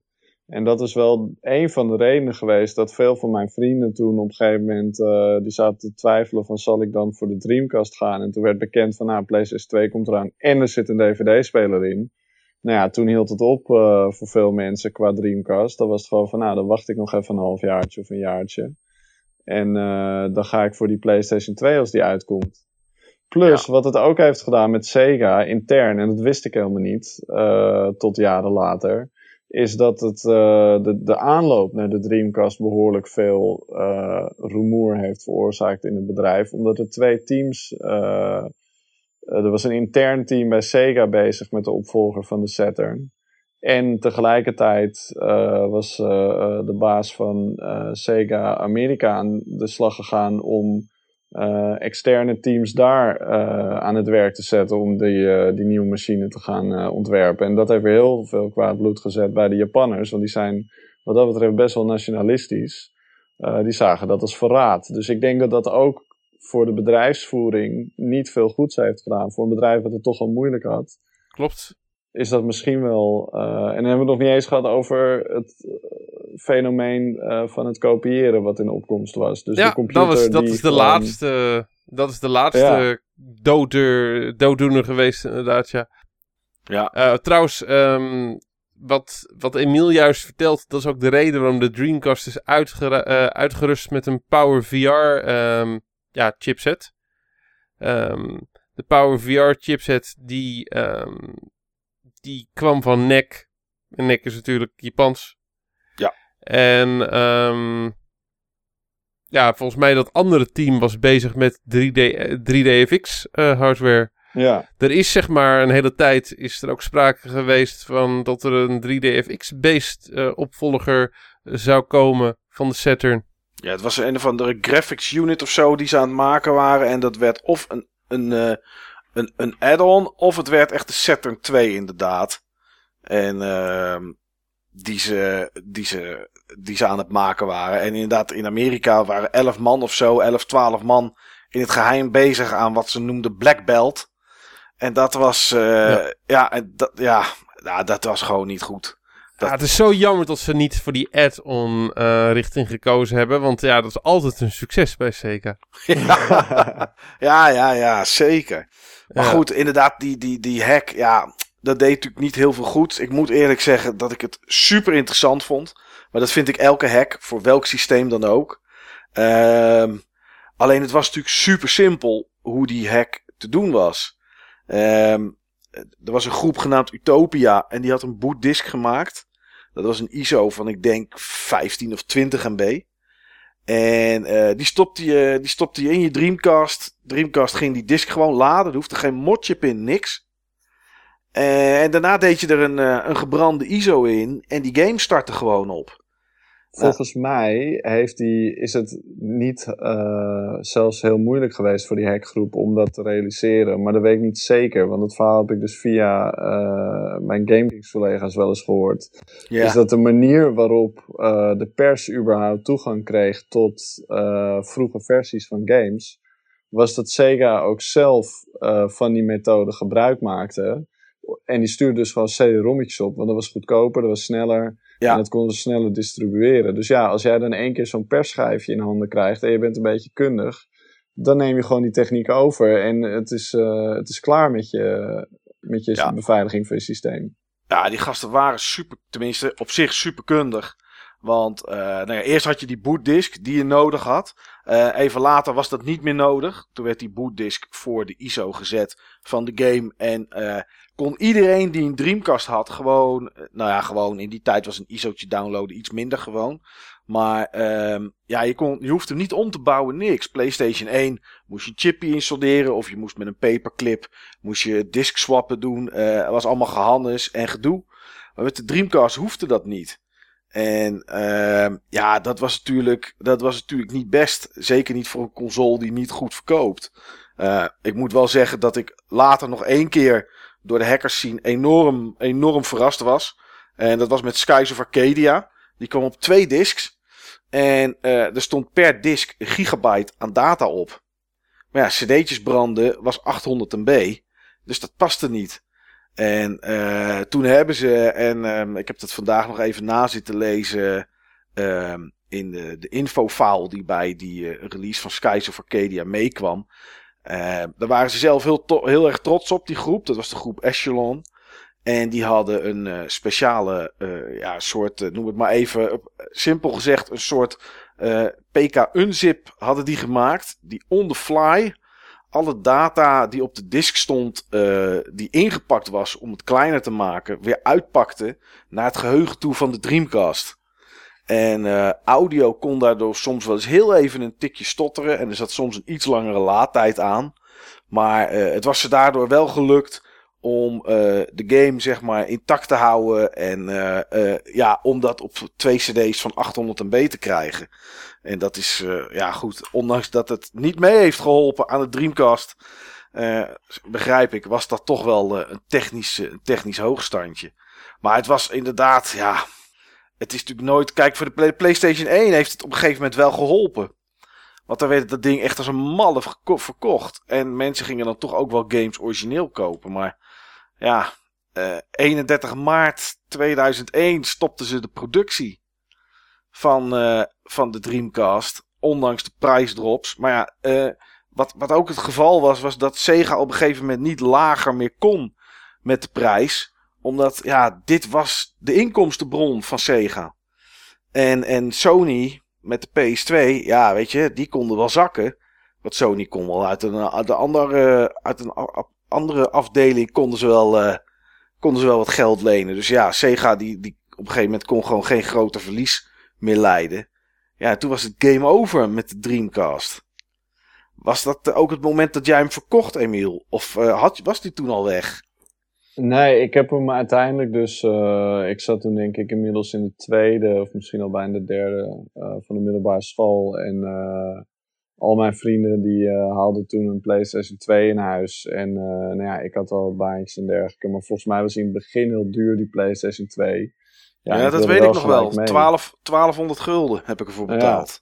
Ja. ja, nou ja, dus ik wilde wel heel graag zo snel mogelijk mee. Ik weet niet of ik 1200 ben ingestapt, maar ik ben wel volgens mij nou, 800 misschien. Het was uh, behoorlijk. Uh, het was voor mij echt gewoon een, een astronomisch bedrag. Ja. En om dat te kunnen bekostigen heb ik uh, mijn hele Dreamcast collectie de deur uitgedaan. Ja. En dat doet nog steeds pijn. Zeker als je dan een soort van verbitterd thuis zit. En het enige toffe wat je kan spelen een jaar lang is SSX. ja. ja. Ja, ja, die had ik ook op release dag samen met Tekken Tech Tournament. Oh ja. En ik denk een FIFA, wat ik überhaupt nooit speelde. En, tek, en Tekken ook niet. Dus ik speelde ook alleen maar SSX. Maar ja, ik kan me voorstellen dat je dan baalt als je, als je een collectie met zo'n console wegdoet, inderdaad. Ik zal, ook no ik zal ook nooit vergeten wat mijn eerste kennismaking was met de PlayStation 2. Dat was zeg maar in dat filiaal van de Future Zone in Chinatown. Ja. En dat was ook een Japanse PlayStation 2. Waar ik, uh, ik, had het, ik had het gevoel dat hij daar zou moeten staan. Want ik wist wanneer die uit was gekomen in Japan. En ik had een beetje doorgerekend. Nou, die moest er wel staan inmiddels. Dus ik ging daar naartoe om daar verlekkerd naar te kijken. Nou, zo verlekkerd was ik niet. Want daar draaide uh, Tekken... Tech, Tech Tournament. Ja. Tournament op. Ja. En uh, één tv verder had je een Dreamcast met, um, met Dead or Alive 2. ja. Nou, daar kon je veel meer verlekkerd naar kijken. Nee, maar dat zag er ook echt veel beter uit. Dat was, dat was scherp, dat had goede anti-aliasing. Uh, en ja, uh, Tekken Tech Tournament, dat was echt uh, jackies, jackies, jackies. Ja. Dat zag er echt um, heel erg prematuur uit. Ja, ja, ja, ja, dat, ja ik, vond ook, ik vond ook zeker in het begin dat de Dreamcast er beter uitzag dan wat er uit de PS2 kwam. Zeker weten. Ja. Dat is later wel goed gekomen, gelukkig met de PlayStation 2. Jawel. Maar inderdaad, SSX was wel een uitzondering, inderdaad. Maar Tekken Tech Tournament, wat een gedrocht zeg. Dat, dat was vooral te maken met die, um, hoe heet het ook weer? Die, die vector units van de PlayStation 2. De manier waarop je je graphics kon tonen, die was zo omslachtig. Ja, en dat is... Met die Emotion uh, Engine of wat? Ja, je mag het uh, elke naam geven die je wil, maar okay. het was gewoon heel lastig. Hey, het ding had niet echt. Het, het had bijvoorbeeld geen multitexturing. Iets wat uh, de Gamecube bijvoorbeeld wel had en de PC wel had. Dus ja, de, in die tijd werden games vaak met lightmaps belicht. Dat wil dus zeggen dat je een uh, zwart-witte map hebt. Tenminste, die kunnen ook kleuren hebben, maar die waren toen vaak zwart-wit, want het scheelde heel veel geheugen. En dat uh, vermenigvuldig je met een bepaalde factor gewoon met de, de kleuren van je level. En dan heb je in één keer schaduw en licht. Um, en op de Gamecube en op de PC, dan stel je dat gewoon in. Dit is mijn, uh, dit is mijn eerste texture map, dit is mijn tweede texture map. Maar op de PlayStation 2 moest je voor elke lichtbron de complete scène opnieuw renderen. En het was allemaal zo omslachtig om iets moois op het scherm te, te zetten, zeg maar, dat die, die practice om dat voor elkaar te krijgen nog vrij lang op zich moest laten wachten. Ja, nou, dat was ook wel te zien in het begin, ja. Uh, ja, goed. 31 maart 2001 stopten ze dus met de productie. En ja, ik, uh, ik baalde toch wel een klein beetje in die tijd, mannen. Want weet je, die Dreamcast was wel zo'n game.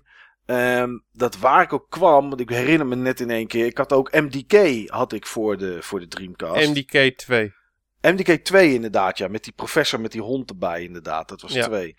En um, ja, die heb ik gekocht op vakantie op Gran Canaria.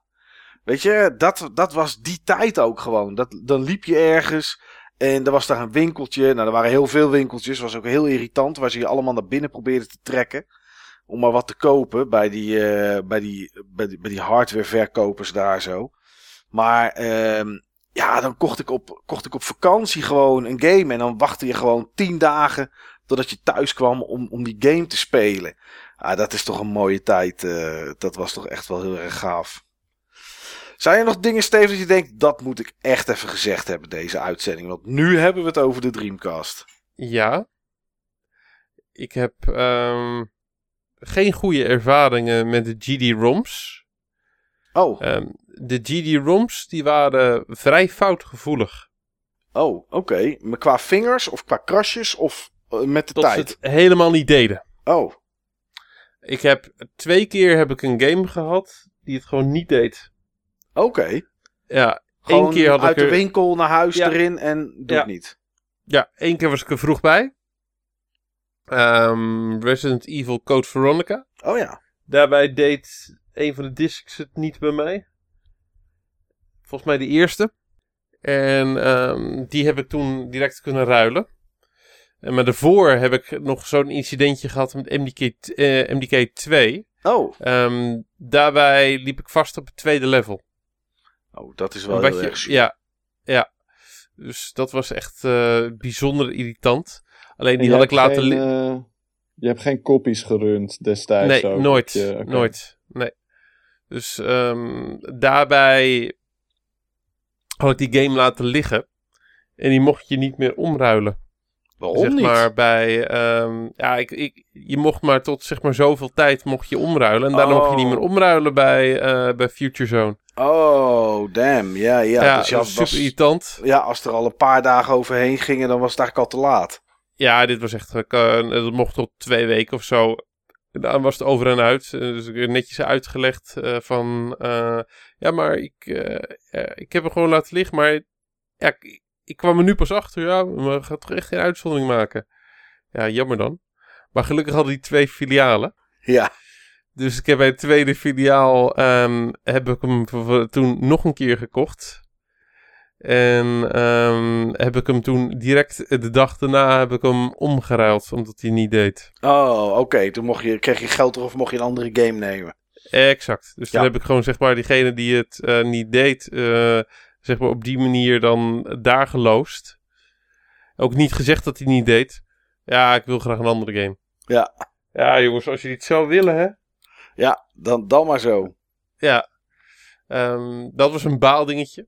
Eh, wat ook een baaldingetje was, dat waren de grote games die er aan het eind van de Dreamcast nog uit zouden komen. Ehm, die nooit uitgekomen zijn in Amerika, wel in Europa. Maar in, eh, dat, dat zijn vier games die Sega op andere systemen uit wilde brengen.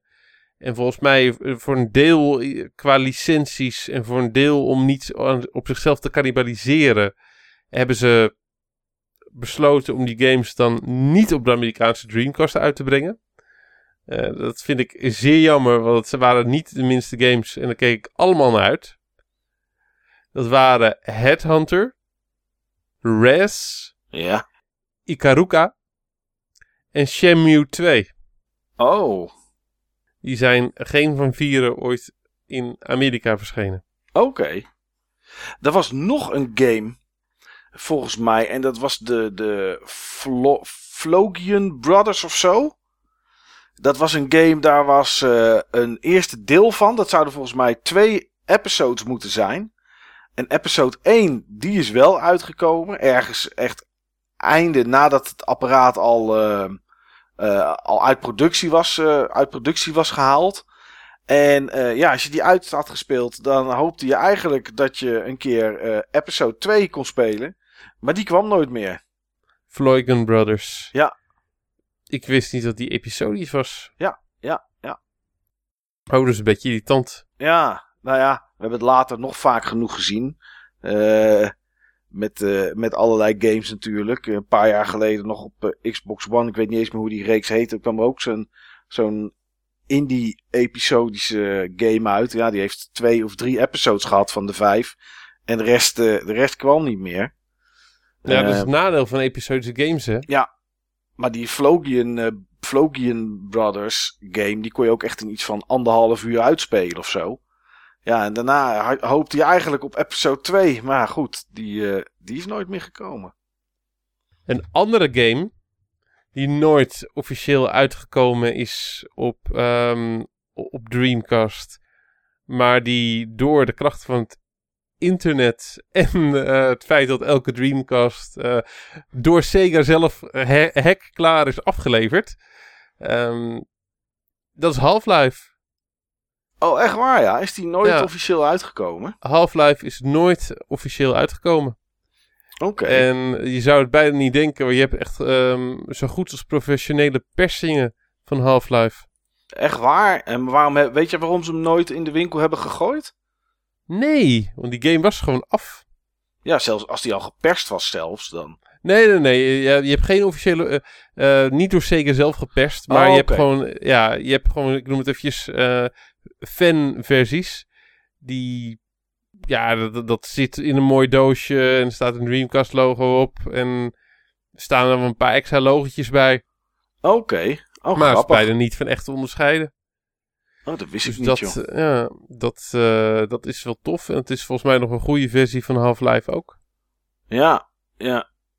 En dat brengt me ook direct bij het laatste wat ik wil vertellen over de Dreamcast. Want de Dreamcast, de Dreamcast is niet dood. De Dreamcast leeft. Ik wacht even in welk opzicht, want ik heb geloof ik al zes jaar lang gezien dat we een Dreamcast 2 gaan krijgen, maar dat is vast niet wat jij bedoelt. Nee. Um, er komen tot op de dag van vandaag komen er nog steeds games uit op de Dreamcast. En nog goede games ook. Oké. Okay. Uh, ja, de Dreamcast is een van de, van de consoles met um, ja, de, de, meest actieve, ik noem het eventjes, um, post-launch fan communities. Ja. Waarbij er gewoon heel veel games zijn, um, zijn uitgebracht. Uh, die, waar we echt helemaal hard op waren gegaan. Als die uit waren gekomen. Uh, tijdens de echte lifespan van de Dreamcast. Als we die hadden gehad, waren gek geworden. Ja. Vooral heel veel shooters. Ja. Ja, ik heb wel eens wat gezien. Wat ik zie af en toe wel eens wat voorbij komen. Ook laatst gaan er ook weer nieuwe games uit voor de Commodore 64. Uh, en dat soort dingen. Maar ik wist niet dat ze voor de Dreamcast nog zo... Uh, nog Tientallen. Zo Oké. Okay. Tientallen. Ik, ik denk dat er bijna een derde tot de helft van de, van de games die uitgekomen zijn voor de Dreamcast, uitgekomen zijn na een lancering. Oké. Okay, na, nadat hij dood is Ja, dat hij dood is gegaan. Nadat ja. officieel in de winkel niks meer... Ja, ik, denk een, ik denk dat een derde van de games uitgekomen is... Ja, gewoon postmortem. Ja. En ik heb er vandaag... Heb ik er eentje gespeeld. Oké. Okay. Die ik zeg maar sinds uh, Black Friday vorig jaar heb liggen. Um, die ik toen had gekocht. Die duur was geworden, maar waar een, uh, een tweede persing was, van was gekomen. En die kon ik ergens scoren. Ik had hem nog een hele tijd liggen en ik heb vandaag voor het eerst gespeeld. Stormwind. Stormwind. Ja. Shooter. Met een super, U, zie ik. Su ja, super vet. Oké, okay, bizar. Stormwind. Gewoon een, ja. Gewoon echt een coole 2,5D shooter. Ik zie het inderdaad hier zo. Dit ziet er uh, heel tof uit, moet ik zeggen. Ja, het speelde ook echt tof. Ja, dat is wel bizar. Uh, waar uh, is, een is beetje een R-type achter. ja, het zit een beetje tussen R-type en Gradius in. Oké. Okay. In, sommige, um, in sommige dingen meer R-type en andere dingen meer Gradius. Is er ergens een plek waar, of jij weet, Steve, waar dan dit soort nieuws bijgehouden wordt, wat er dan nog uitkomt? Dat weet ik niet. Maar veel ervan is te kopen via PlayAsia. Oké, okay, oké. Okay. Ja, en op beurzen zie je altijd vaak een, uh, een Duitser. Die echt uh, ja, een hele stint heeft met... Uh, met Dreamcast games. Met dit soort Dreamcast releases. Oké, okay, cool. Ja, maar die Stormwind is echt heel tof. Hmm. Die kan ik iedereen echt aanbevelen. Nou, misschien moet ik daar mijn ogen eens voor open houden. Het ziet als er echt heel tof uit. Ja, als we die hadden gehad, jongen. als we die bij de Bart Smit hadden kunnen kopen, hè? ja, dan was het heel anders gelopen. Ja. Ja, ik zag net Stel nog je voor, Bart Smit, exclusieve leveraar van Stormwind. van Stormwind. Dat zou toch goed zijn? Ik zag net nog één titel voorbij komen. Ik ga hem alleen maar noemen, maar dat vond ik toch ook wel een dingetje die tijd. Samba di Amigo. Ja. Met die samba-ballen. Dat was toch wel eh 600 gulden vroegen ze in Den Haag bij de gameshop geïmporteerd vanuit Japan ervoor. En ze hadden er twee en die waren al gereserveerd op de dag dat het uitkwam. Samba di Amigo. Tof, hè? Ja, ja, zeker Dat weten. was wel een legendarische game. Ja, Dat hebben ze ook eh, nooit op de Wii goed kunnen repliceren. nee, Nee. inderdaad. Ik had die op de Wii en ik dacht alleen maar, goh, dat moet eh, op de Dreamcast wel leuk geweest zijn. ja, dat is een goede gedachte. Ja, want die samba-ballen, die voelden ook echt als samba-ballen, hè? Ja, met schudden en eh, dat was wel heel goed gedaan, ja. Ja, dat was geen, ehm, dat was geen crappy Wii-mode in, een, in een plastic samba-balhouder. Die er overigens wel waren. Ja. Ehm, tot afsluiting. Emiel, als ik vraag naar jouw top 3, hoeven niet in volgorde te staan Dreamcast games. Ja, dan ehm, zou ik toch wel gaan voor Soul Calibur sowieso. Ja, Sonic Adventure 2. En daarna heb ik het heel moeilijk. dat mag. Ehm, ah, je mag er ook twee eh, noemen. Nou ja, ik vind Marvel vs. Capcom 2 eentje waar we het niet over hebben gehad in deze podcast. Maar wel eentje die, eh, ja, die ik nog steeds eh, af en toe eh aanslinger. Oké, ja. Ehm, en eh, ja, het is bijna onmogelijk zeg, dit. Ja, god. Nou, ik hou het gewoon hierbij. En die andere titels, ik, ik draag ze allemaal een, een warm hart toe. Want het is Ehm, Dreamcast. Want het is Dreamcast en het is gewoon een library nog steeds waar je u tegen zegt. Ja, ik zou zo inderdaad Ikaruga, Shenmue 1, 2. Weet je, ja, ik wil niet het gras van andere mensen voeten wegmaaien, dus ik ga mijn mond Maakt houden. niet Maar uit. het is wel... Nee, spui het. Nee, hierbij heeft iedereen zijn eigen, zijn eigen grasveldje. Ja, Power Stone 2 voor, eh, voor, voor eh, ja, toch een nostalgische reden. Dan Fantasy Star Online heb ik niet eens verteld. Dus dat, dat, ja, dat was mijn eerste MMO die ik, eh, die ik ooit speelde. Dus dat, dat zijn gewoon dingen eh, die, eh, die vergeet je niet meer als gamer dan. Nee. En eh, dat, eh, nou ja, dat, ja, dat is toch wel, toch wel een lijst. En, en misschien dat ik er nog zelfs een paar vergeet. Maar dat, eh, dit, dit, dit is voor mij de absolute top. Oké. Daar ben ik trouwens echt heel jaloers op. Dat had ik ook graag willen meemaken. Om, Ja. eh, om Fantasy Star Online in die tijd te spelen. Ja. Nou, dat is volgens mij ook een van de redenen dat ik echt wist dat ik dat toetsenbord moest hebben. Want anders kon je echt niet communiceren met andere mensen. Nee, nee, dat was niet te doen. eh, Ik, eh, nee, ja, mijn, mijn, ik had mijn eh, MMO-doop al gehad met EverQuest. oh ja. Die kwam 16 maart uit van 1999. Maar dit was wel inderdaad een, een mooie. Ik denk wel dat het goed voor me was dat ik, dat ik zeg maar dat nooit ontdekt heb in die tijd. En voor de bereikbaarheid van je ouders. Eh, Dat met name. Steve, als je top 3... Ze zijn trouwens deze week zijn ze gestopt met ISDN hè. Oké, jij staat nu echt over en uit? Ja, ja, dat is niet meer nodig. Nee, nee, dat werd een keer tijd zeg. En Nee. is altijd zeggen de grap, is dat nodig? Oh, is dat nodig? Oh, ja. ISDN. hey, als ik jou vraag, top 3. Ik weet dat het niet te doen is, maar ik doe het toch. Ja, ik wist dat de vraag ging komen. Ja, ja, tuurlijk. Ik had er ook een beetje over nagedacht. Maar nu ben ik eh, toch weer aan het twijfelen gebracht. Ja, op, ehm, op drie zet ik dan eh, Soul Reaver. Ja, De, de game waardoor ik mijn Dreamcast heb aangeschaft. ja. Op twee komt Skies of Arcadia. Mhm. Ja, en op één, dat is makkelijk, dat Soul Calibur. Ja. Ik denk dat ik op 3 zou zeggen House of the Dead 2. Want dat heb ik toch echt zoveel gespeeld nadat ik in Spanje echt heel veel peseta's in die kast heb gegooid.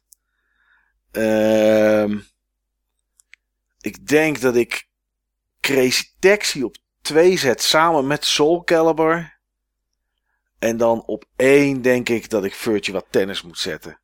En het is heel vreemd voor mij om een, uh, om een sportgame op één te zetten. Maar ja, dat, die tijd die ik daarin heb gestoken, die dat is echt niet, echt niet normaal. Ja. Ik zag net ineens nog een titel, het er niet meer over hebben hoor. Maar Bleem, dat was toch ook een mooi verhaal op de Dreamcast. Oh, zo jammer.